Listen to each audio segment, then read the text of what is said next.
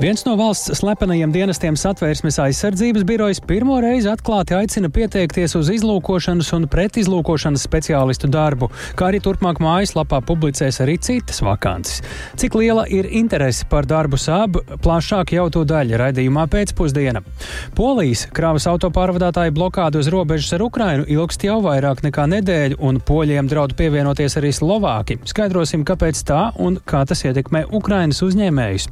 Bet Latvijas Latvijas bobsleja izlase jau vairāk nekā nedēļu trenējas Ķīnā, un rīt agri no rīta tur atklās pasaules kausa sezonu. Par to visu plašāk raidījumā pēcpusdiena kopā ar mani Tāli Eipuru.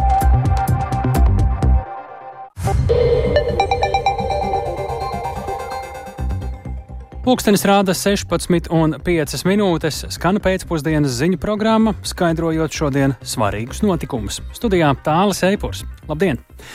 Drošība, veselība un izglītība - tie ir nākamā gada valsts budžeta galvenie virzieni. Saimnes deputāti jau kopš 9 rītā ar budžetu saistītos likumprojektus skata pirmajā lasījumā. Kādas atziņas par budžeta projektu šodien jau izskanējušas saimā, to gatavs pastāstīt kolēģis Jānis Kincis. Sveiks, Jāni! Sveicināti! Jā, drošības un ilgspējas budžets, tā to dēvē koalīcijas partneri, un tajā par galvenajām, kā jau minēts, nosauktas prioritātes iekšējā un ārējā drošība, izglītība un veselība. Nākamajā gadā ieņēmumi prognozēti par 1,7 miljardiem lielāki, savukārt izdevumi par 1,5 miljardiem eiro lielāki nekā šogad. Budžets veidots koleģiāli, iztiekot bez deķīšu vilkšanas katram savā virzienā, bet gan spējot vienoties par galvenajām prioritātēm. To uzrunā saimai uzsvēra premjera Evika Siliņa no jaunās vienotības. Nu, nevajadzēja baidīties nosaukt šo budžetu. Atbildīgi, es ceru, izvērtēsiet, uzlabosiet valdības sagatavoto piedāvājumu un spēsiet skatīties pāri pozīcijas vai opozīcijas vērtējumam. Es aicinu deputātus atbalstīt 2024. gada budžeta projektu, atbalstīt lielākas algas policistiem, glābējiem, pedagogiem, mediķiem un atbalstīt pieejamākus veselības aprūpas pakalpojumus mūsu pacientiem un kvalitatīvāku izglītību mūsu bērniem. Es vēlos, lai Latvijas iedzīvotāji būtu veselāki, izglītotāki un pats galvenais, lai mēs visi būtu drošībā un vairāk nekā 32% no budžeta izdevumiem ir paredzēti iedzīvotāju sociālajai aizsardzībai. To savukārt uzsvēra saimnes priekšsādētāja Daiga Mieriņa no Zaļo un Zemnieku savienības.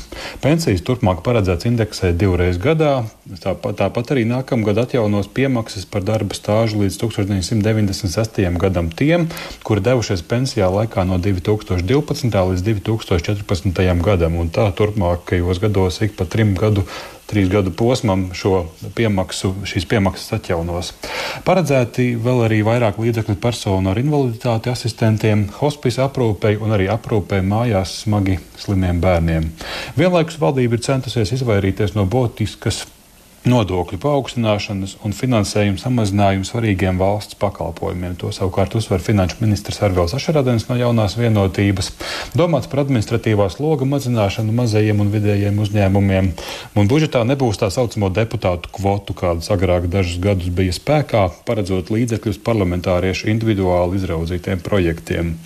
Opozīcijas pārstāvji gan kā ierasts budžetam veltīja kritiskākus vārdus. Opozīcija to dēvē par nīkulības un recesijas budžetu budžetu kārtējo, kurā naudu tērēs nevis pelnīs. Izskanēja arī jautājums, kur budžeta projektā redzams solītais ekonomiskais izrāviens. Savukārt opozīcijas priekšlikumi tālāk par politiskiem debatēm netikšot, par to ir pārliecināti deputāti. To, ka budžetā visām vajadzībām naudas nepietiks, atzīst arī atsevišķi koalīcijas pārstāvi. Paklausīsimies Ko debatēs teica deputāti Uģis Mitrevits no Nacionālās apvienības, Edgars Tavars no apvienotā saraksta un arī Harijs Rokpelns no koalīcijā ietilpstošās Zaļo un Zemnieku savienības. Nu, nevajadzēja baidīties nosaukt šo budžetu par militāro spēju stiprināšanas un Eiropā nepieejamākās veselības aprūpes sistēmas ugunsgrēka dzēšanas budžetu. Šis budžets man atgādina kurkuli ar milzīgu jaunās vienotības galvu un sīkām ZZS un progresīvo kājlēm. Jāatzīst, ka kurkuļiem vieta ir purvā vai dīķī, nevis saimnes namā. Nākamā gada valsts budžets manā vērtējumā ir kā līdzeklis, lai apturētu asiņošanu vairākās nozarēs. Bet uz pilnīgu tautsaimniecības izvesaļošanos vēl ceļš ir ejams. Lūk, un papildinājums budžeta projektā lūkos eh, noteikti pēc valsts svētkiem. Deputāti gan ir apņēmušies būtiski nenovirzīties no valdības sagatavotā budžeta plāna. Šodien tātad saimā par budžetu paredzēts balsojums pirmajā lasījumā, bet līdz tam vēl nav tikuši, jo debatas aizvien turpinās.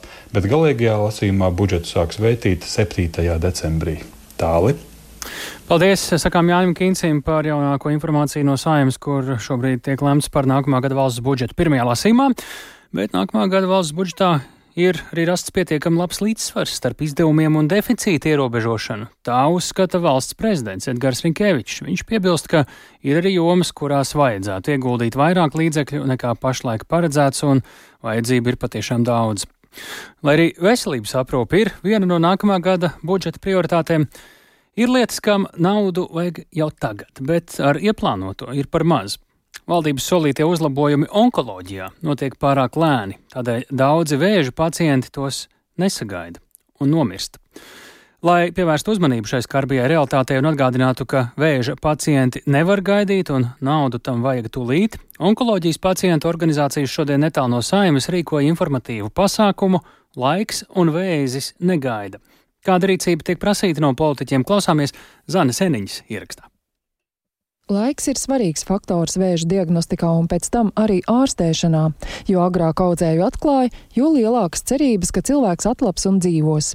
Laika metaforu akcijas rīkotāji bija ietvēruši simboliskā vides objektā ar pulksteni, kas apstājies. Tā uzsverot, ja runa ir par vēzi, kavēties nedrīkst. Tā kā visai nozarei finansējums ilgus gadus bijis nepietiekams, arī onkoloģijā uzkrājies daudz problēmu. Garas rindas uz izmeklējumiem un ķīmijterapiju, nereti cilvēki cilvēki spiesti vākt ziedojumus, lai saņemtu vajadzīgās zāles vai terapiju, nav uzsākta paliatīvās aprūpes mājās sniegšana un tā tālāk. Par neskaitāmajām vajadzībām raisījās organizācijas pārstāves Evitas Zālītes Grosas un saimas deputātes Līgas Kļaviņas no Zēzējas vārdu apmaiņa. Vienkārši kuriniet to uguni un pa punktiem ej cauri nevis formāli vēža reģistrs, jo kurā reizē runā tikai par vēža reģistru, it kā tā būtu vienīgā panacēja. Ir ļoti daudz jautājumu šeit, kur jums iedeva, kuriniet to onko grupu, veidojiet aktīvu, strādājiet ar ministriju, kas ir ļoti svarīgi. Tiem cilvēkiem ar vajag gan atbalstu, gan izpratni par to, ka jūs zinat, par ko vispār iet runa. Šodien dodamies ar kolēģi, tāpat kā citi deputāti, uz pirmo budžeta lasējumu. Mums ZZS frakcijā bija tikšanās ar veselības ministru. Nu, mums apliecināja veselības ministrs, ka šis gads ir viena no prioritātēm veselība. Un skatīsimies skaitļos. Onko alianses pārstāve Irina Januma savukārt norādīja, ka onkoloģijas nozares attīstības plāns laika posmam no 22. līdz 24. gadam un arī iepriekšējam plānošanas periodam bijuši vien formāli dokumenti, kuros nospraustie mērķi nesot sasniegti. Ne finanšu ministrija, ne saima neņem vērā tos ciparus, kas ir ierakstīti. Ja kaut būtu izpildīti šie abi plāni savā laikā, 24. gadā mums iztecēs otrā plāna darbība darbības termiņš, vajadzēs domāt par jauno plānu, vai viņš arī būs tikpat formāls. Runājot ar Onko alianses pārstāvjiem, saimas deputāte Ingrīda Circene no jaunās vienotības gan izteicās, ka pa maziem solīšiem situācija onkoloģijā uzlabojoties. Viņa norādīja arī uz katra paša atbildību. Ejiet reizi gadā pie sava ģimenes ārsta paši. Negaidiet, ka kāds jums varbūt zvanīs, varbūt nezvanīs. Aizejiet tad, kad ir vēža skrīnings, ko valsts apmaksā pilnībā. Aizejiet tajā reizē, kad jums ir uzaicinājums. Pulksteņu objektu Onko alianse novietojusi pie saimas tieši tagad, jo deputāti ķērušies pie budžeta likumprojekta skatīšanas. Veselības aprūpe ir viena no nākamā gada budžeta prioritātēm, tai papildus paredzēts piešķirt 275 miljonus eiro, daļu atvēlot arī onkoloģijai. Tomēr ar to ir par maz, norādīja Onko alianses pārstāvji. Zana Eniņa, Latvijas radio. Pirms stundas Reizeknē, nu jau trešo reizi pilsētas domas sēdi boikotējuši valdošās koalīcijas deputāti, un līdz ar to jau trešo reizi sēdi nevarēja notikt kvoruma trūkuma dēļ. Klātajā bija 6 no 13 deputātiem. Boikotētāji ir no partijas kopā Latvijai, kuru vada no jau atstādinātais Reizeknas mērs Aleksandrs Bartaševičs. Viņi, neierodoties uz sēdēm, vēlas pātrināt domas atlaišanu un līdz ar to panākt jaunas vēlēšanas. Par situāciju Reizeknes domē esam sazvanījuši kolēģi Madaru Bērtiņu no Latvijas radio Latgales studijas. Sveika, Madara! Kā tad risinājās šīs dienas notikumi Reizeknē un kas tagad notiks vai var notikt tālāk? Jā, labdien! Šodien apmeklēju Reizeknas domas sēdi, un kā pirms sēdes sākuma savā starpā smējās sanākušie opozīcijas deputāti, žurnālisti šodien Reizeknas domē ir bijis vairāk nekā pašu deputātu. E, interese ir, bet jā, līdzīgi kā iepriekšējās divas reizes, arī šoreiz sēde noslēdzās nesākusies, jo bija ieradušies pieci opozīcijas deputāti un sēdes vadītājs, šī brīža domas priekšsēdētāja pienākumu izpildītājs Aleksejs Stets no partijas kopā Latvijai.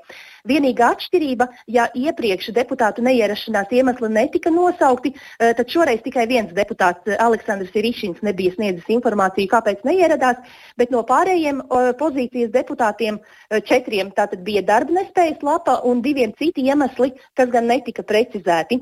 Eh, pēc domas eh, to, kā jauninājumu atzīmēja arī opozīcijas deputāts Juris Guntis Jaksa no apvienotā partiju saraksta. Paklausīsimies viņa teikto. Šobrīd ir jauns pavērsiens, slimības lapas, jeb darba nespējas lapas. Jāstāsta likumdošana, ja nemaldos, pusgads. Tā var būt. Es ceru, ka būs kāds simptoms no malas, kas tomēr liks vai ļaus kolēģiem ierasties, un mēs turpināsim darbu. Šobrīd izskatās, ka par to pazīmi nav. Līdz ar to divi varianti. Vai nu kolēģi tomēr cienot savus vēlētājus nāk un kad ir veseli, turpina darbu Vai no otrs variants, tad jau viss ir Rīgas lēmēju rokās un kā mums tā būs. Jā, tas bija Juris Guntis Jakse no apvienotā partiju saraksta, un būtībā jau viņš arī ieskicēja šo tālāko uh, notikumu gaitu, lai gan jā, sāk, pēc sākotnējā partijas kopā Latvijai scenārija šai būtu bijis jābūt trešajai un teorētiski arī noslēdzošajai domas sēdei, lai pietiktu, lai atlaistu domu, jo, kā paredz likums pēc trim nenotikušām pašvaldības domas sēdēm, saima to var darīt, tātad var atlaist vietvaru, taču pagaidām tas nenotiks, jo vidas aizsardzības un reģionālās attīstības ministrija ir uzsvērusi, ka likumā izšķirošais ir šis vārds var tikt atlaista, taču tas nesot obligāti, līdz ar to pagaidām ministrija sagaida, ka Reizeknas deputāti vai nu atsāks pilnvērtīgu darbu, vai arī paši noliks deputātu mandātus. Uh, savukārt Reizeknē valdošā koalīcija, proti, kopā Latvijai, uh, vakar sarunā atzina Uh, Aleksis Stečs šobrīd savu taktiku neplāno mainīt, bet gaidīs saimas lēmumu. Vēl vien jāpiebilst, ka uh, labāko risinājumu, kā izskaust šādu deputātu apzinātu nepiedalīšanos domas sēdēs, vakar meklēja arī saimas valsts pārvaldes un pašvaldības komisija. Viens no priekšlikumiem ir veikt grozījumus likumā, nosakot, uh, ka pašvaldības vēlēšanu komisija, respektīvi CVK, var atlaist deputātu, ja konstatēts, ka deputāts vairākas reizes pēc kārtas, eh, trīs reizes pēc kārtas bez attaisnojoša iemesla nav ieradies sēdē. Un eh, šī komisija labāko risinājumu vēl meklēs. Uh, un uh, 22. novembrī notiks nākamā sēde, un jau dienu vēlāk, 23. novembrī, tas tikšot nodots izskatīšanai pirmajā lasījumā saimā. Savukārt Reizeknē nākamā domas sēde gaidām pēc divām nedēļām. Un tad mēs turpināsim sekot notikumu attīstībai. Sazinājāmies ar kolēģi Madaru Bērtiņu no Latvijas radio Latgales studijas. Tātad Reizeknē jau trešo reizi pašvaldības sēdē nav sanācis deputātu kvorums un teorētiski domi varētu atlaist. Bet satversmes aizsardzības biroja tīmekļa vietnē turpmāk pastāvīgi būs pieejama informācija par darba iespējām birojām. Līdz šim birojas vairāk kārt bija izsludinājis konkursu uz vairākām amatvietām, bet tagad šāda sadaļa tātad mājaslapā būs pastāvīgi. Līdz ar šo ziņu SAB arī parādījusies vēl līdz šim publiski neminēta vakance potenciālajiem izlūkošanas un pretizlūkošanas speciālistiem. Te atgādina, ka Satvērsmes aizsardzības birojas ir valsts drošības iestāde, kuras galvenie uzdevumi arī ir izlūkošana un pretizlūkošana un arī valsts noslēpuma aizsardzība. Bet, lai runātu par darbu iespējām birojā pie redzījuma pēcpusdienu klausulas, šobrīd ir Satvērsmes aizsardzības biroja direktora pirmais vietnieks Jānis Batalauskis. Labdien! Labdien! Nu, šī kopš pagājušā gada māja, ja nemaldamies, ir jau ceturtā reize, kad publiski aicināti pieteikties darbiniekus. Kādas līdz šim ir bijušas sekmes un atsaucība iepriekšējās šādu publisku aicinājumu reizēs? Jā, tieši tā. Jūs uh, pareizi norādat, ka šis nav pirmo reizi, kad mēs izsludinām publisku konkursu. Mūsu vērtējumā līdzinājais process bija veiksmīgs, jo pieteicās cilvēki, kurus iespējams mēs līdzinēji un citādos veidos pat iespējams neiedomātos uzrunāt darbā birojā. Motivēti ar vēlmi ieguldīt savu artavu valsts drošības stiprināšanā. Tādēļ, tādēļ arī mēs lēmām par šādu patstāvīgu vakants sludinājumu mūsu mājaslapā, pieejamu visu laiku. Ko vispār nozīmē, ja mēs runājam par šo jauno aicinājumu pretendēt uz darbu SAB? Ko nozīmē izlūks vai pretizlūks? Nezinātājiem tas varētu šķist kā kaut kas līdzīgs spiegam vai kā? Nu, sludinājumā jau ir konkrētākas detaļas minētas uh, par to, ka, ka, kas ar šo aspektu ir domāts, bet es neieteiktu uz to uh, koncentrēties. Uh, mūsu mērķis ir uh, uzrunāt plašāku cilvēku loku, izvērtēt savas spējas, uh, iespējas, vēlmi, motivāciju un, un pieteikties. Jo, Būsim godīgi, nav tādas uh, izglītības iestādes vai profesijas, kas var sagatavot cilvēku dienestam drošības iestādē. Attiecīgi, nevajadzētu baidīties un uh, mēģināt un pieteikties. Un tālākais jau ir mūsu savstarpējais sadarbības process, lai izvērtētu uh, cilvēka derīgumu teiks, un atbilstību kādai konkrētai amata pozīcijai birojā. Ko tad cilvēkam sevi izvērtēt, lai pieteiktos, ja citiem vārdiem kādus cilvēkus jūs aicināt pieteikties, un varbūt arī kam labāk nemaz nemēģināt pieteikties? Pamatlietas ir uh, uzskaitītas valsts drošības iestāžu likuma 20. pantā, kas ir uh, pamata, pamata prasības uh, dienestam valsts drošības iestādē. Bet, uh, protams, ka uh, kopumā mēs nevēlētos uh, uzlikt kaut kādus rāmjus vai ierobežojumus. Uh, uz cilvēkiem, kam pieteikties vai kam nepieteikties. Jo mēs meklējam dažādu profilu un dažādu zināšanu cilvēkus, eh, kas, kam, ir, eh, kam mēs varētu eh, dot konkrētu lomu vai, vai amata birojā. Tādēļ vienkārši ir jāpiesakās un jāaiziet uz komunikāciju ar mums. Daudzi Latvijas valsts piedarīgie dzīvo arī ārpus Latvijas, arī viņi var pieteikties, un arī tādi, kur nav valsts piedarīgie. Ne, pamatprasība ir Latvijas, būt Latvijas pilsonim, bet dzīvesvieta ārvalstīs uh, Es negribētu izslēgt, es ieteiktu pieteikties, un katra situācija var tikt vērtēta atsevišķi. Un ar ko tad būtu jārēķinās tiem, kuri piesakās, vai viņi par to, piemēram, arī starp citu drīkst teikt kādam citam, ka viņi piesakās? Varbūt tas automātiski viņus atsijā jau. Nu, tā gluži nav.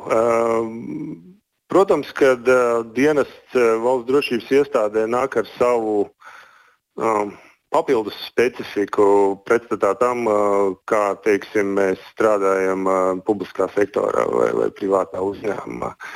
Un uh, liela reklāma dienestam uh, drošības iestādē nav nepieciešama no personas puses. Tātad, nu, tas ir uh, persona piesakās, un mūsu ieskatā, protams, ka uh, pareizākais ceļš ir nereklamēt šo Mhm.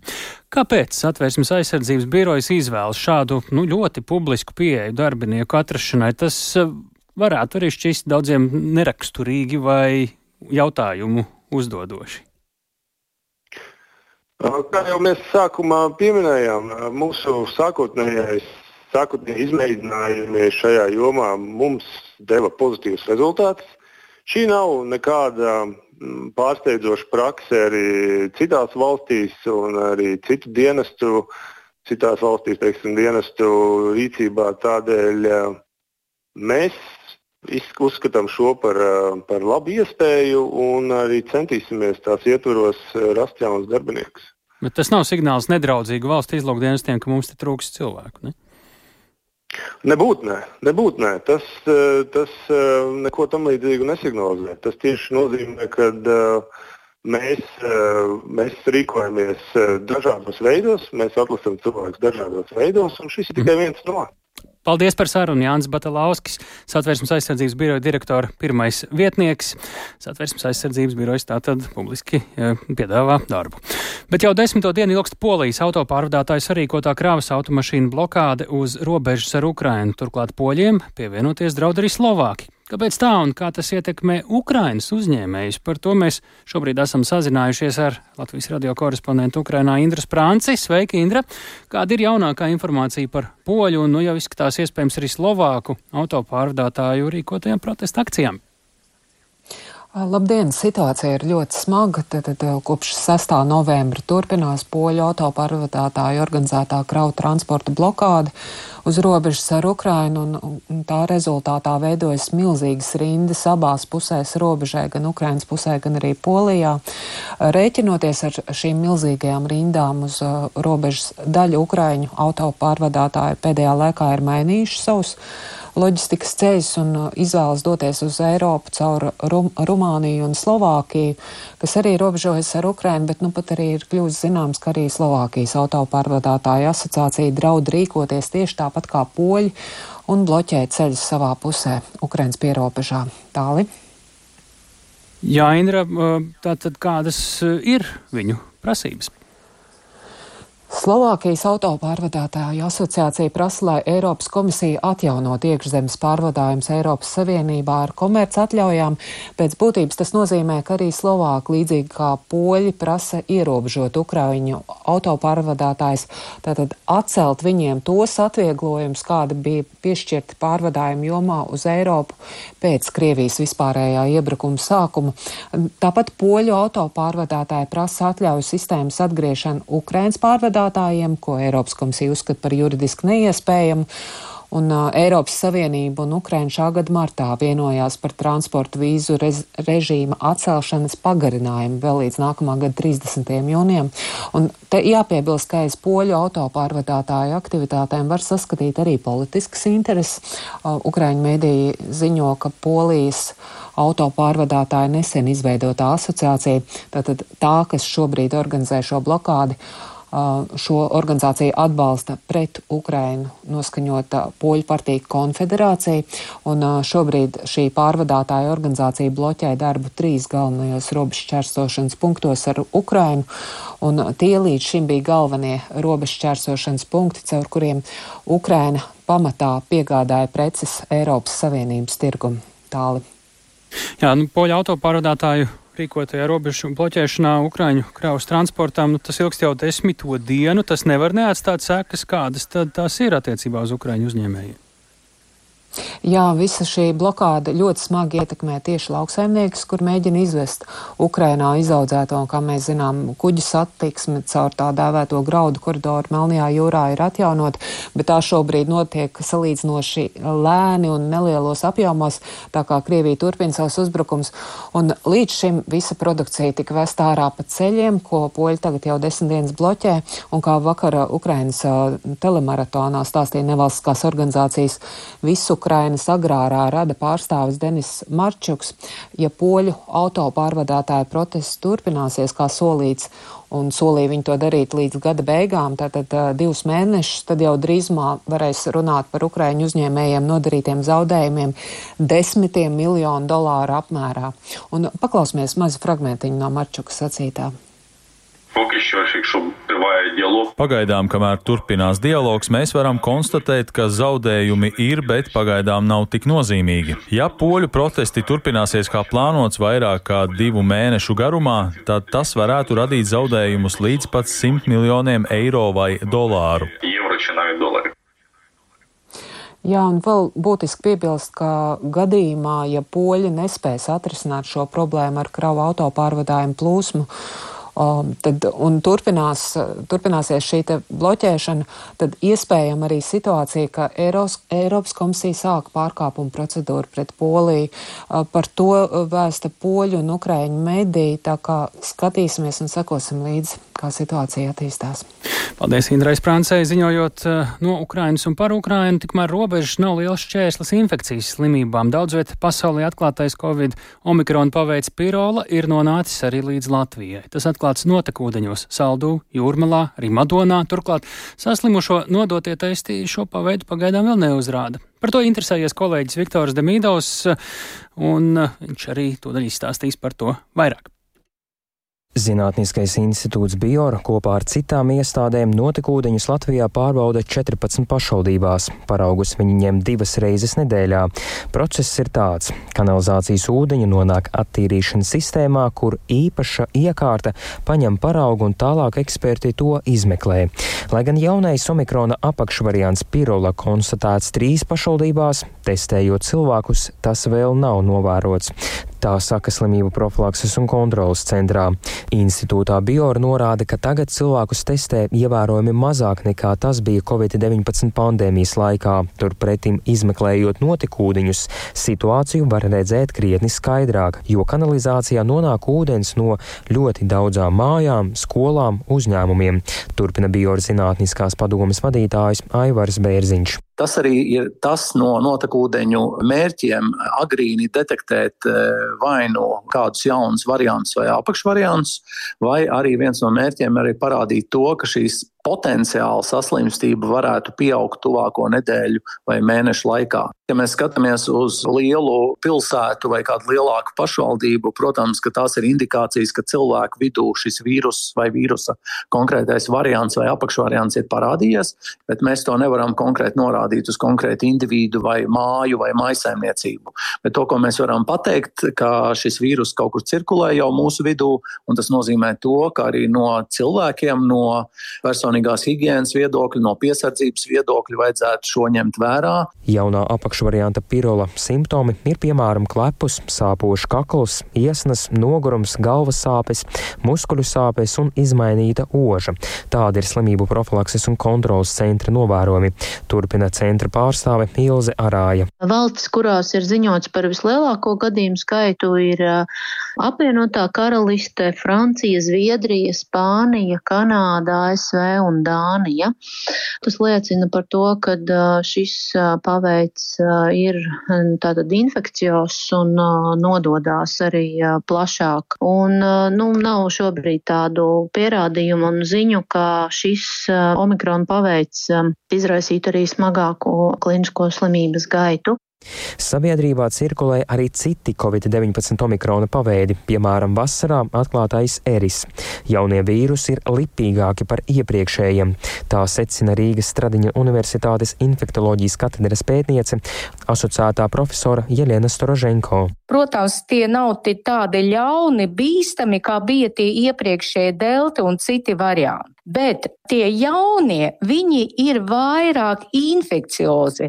Tas nozīmē, ka viņiem tā kā plašāk izplatās mūsu populācija un vairāk to inficētu gadījumu skaits, ko mēs arī tagad varam novērot. Grūti pateikt, grūti prognozēt, vai viņš tā kā tagad cirkulēs mm, ilgstoši, vai varbūt viņu izspiedīs kāds cits vīrus, jā, arī stiprs, piemēram, gripa. Labā ziņa pret pirolu iedarbojas pieejamās Covid-19 vakcīnas. Tā norāda Storoženko prognozējot, ka lielas izmaiņas Covid-19 vīrusu vidū tuvākā laikā nav gaidāmas, bet atsevišķas mutācijas visdrīzāk būs.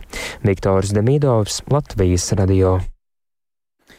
Jāuzlabo tehnisko palīgu līdzekļu pieejamība bērniem ar kustību traucējumiem, jāmazina birokrātija un ilgā gaidīšana uz tiem, jo tā var krietni pasliktināt atlapšanu, īpaši bērniem ar akūtām vajadzībām. Tāpēc šodien Bērnu slimnīcas fonda konferencē likts priekšā nozars pārstāvju, bērnu vecāku un ministriju sagatavots plāns, kā pilnveidot tehnisko palīgu līdzekļu sistēmu bērniem, stāsta Paula Dēvica. Lauras Veismanes dēlam ir bērnu cerebrālā trieka. Ģimenes dzīve ir cieši saistīta ar tehnisko palīgu līdzekļu centru, jo bērnam ir nepieciešami vairāki palīgu līdzekļi pilnvērtīgai dzīvei - ortoze, kruķi, rolators un arī riteņkrēsls. Tātad dienas laikā viņš šīs dienas ortozes izmanto nu, vairāk kā 8 stundas, pie tam tādā intensīvā veidā. Starbrīžos skraida ar klases biedriem un var iekļauties klases kolektīvā tādējādi. Un uh, sporta stundās viņš piedaloties izmanto arī reverso rolatoru, kas palīdz viņam nedomāt par to, ka viņš var nokrist skrienot, kā tas ir ar kruķīšiem, kas ir tāda nestabilāka lieta. Ne visus no palīglīdzekļiem varēja sagādāt valsts, tāpēc ģimenē nolēma rolatoru iegādāties ar valsts kompensācijas palīdzību. Laura uzsver, ka ir būtiski, lai arī valsts piedāvājums paplašinātos un vecākiem nenāktos piemērotus un kvalitatīvus palīglīdzekļus meklēt pašiem. Taču šajā sistēmā ir vēl citi trūkumi, kuri krietni apgrūtina līdzekļu saņemšanu. Jāņa Zemenes dēlam ir nepieciešama ortoze, kura arī sagādāta no valsts resursiem, taču tēvs uzsver, ka procesā ļoti apgrūtina birokrātiskie šķēršļi papīru, papīri, šādi un vēl tādi. Un kādi atzina, bet vienā aizbraucam vietā, tiekat galā un paši tālāk sarektējiet, un beigās ir lēmums. Tieši birokrātija un nepilnības iesaistīto iestāžu sadarbībā atzīta kā viens no galvenajiem trūkumiem tehnisko palīglīdzekļu sistēmā. Nereti vecāki kļūst par kurjeriem vai tulkiem dokumentu aprites nodrošināšanā, kā rezultātā palīglīdzekļu gaidīšanas ilgums palielinās, un bērniem ar invaliditāti nereti laiks ir ļoti svarīgs, īpaši gadījumos, kad ir atklāta pēkšņa, strauji progresējoša slimība, un risinājums ir vajadzīgs ļoti ātri. Gaidīšana šādos gadījumos var pasliktināt atlapšanas rezultātus, turpina Bērnu Klīniskās Universitātes slimnīcas rehabilitoloģe Alisa Rjabikova ortozes nepieciešams šobrīd un tagad, bet uh, iesniedzot dokumentus, uh, paies vismaz 20 darba dienas, kamēr tās ortozes uh, iesniegums atzinums būs izskatīts.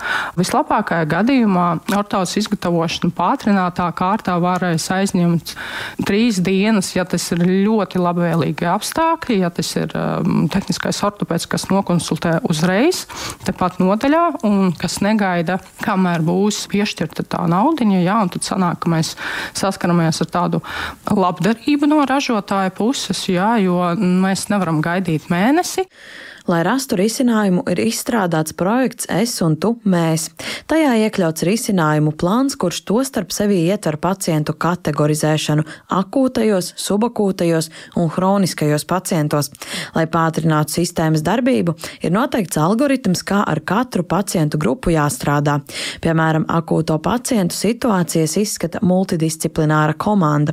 Savukārt subakūtiem un hroniskiem pacientiem skatās pēc palīglīdzekļu sarežģītības pakāpes pakāpes.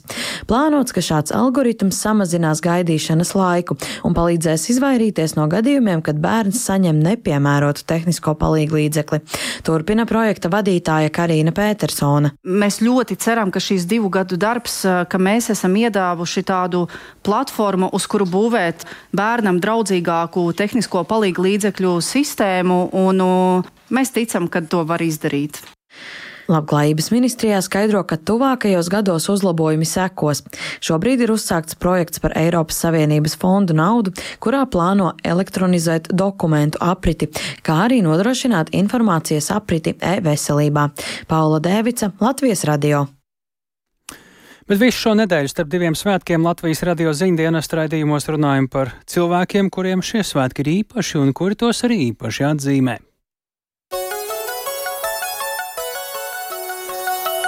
Svētku koncerts Latvijai 105 izskanēs 17. novembra vakarā koncertzālē Lielais dzintars Liepājā. Speciāli šim koncertam radīts ir jauns jaundarbs. Klavieru koncerta autors, komponists Zigmārs Liepiņš, un par liepājas sajūtu par svētku svinēšanu un klavieru koncertu ar Zigmāru Liepiņu pirms mēģinājuma sarunājās Inga Ozola.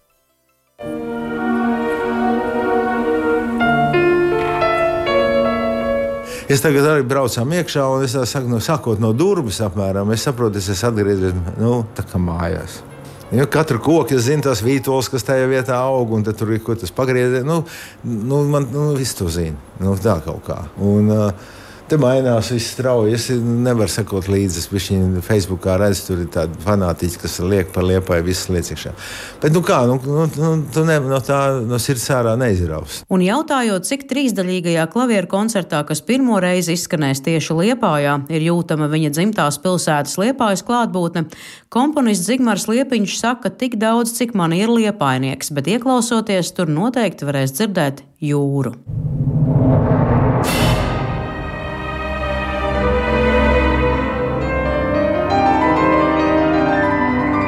Liepājā dzīvojot komponista meita, un vismaz divreiz gadā viņš apmeklē arī tuvāko atdusas vietas gan Liepājā, gan Grobiņā. Ģimenes pēctecībai un kopā būšanai ir nozīme, saka Zigmārs Liepiņš.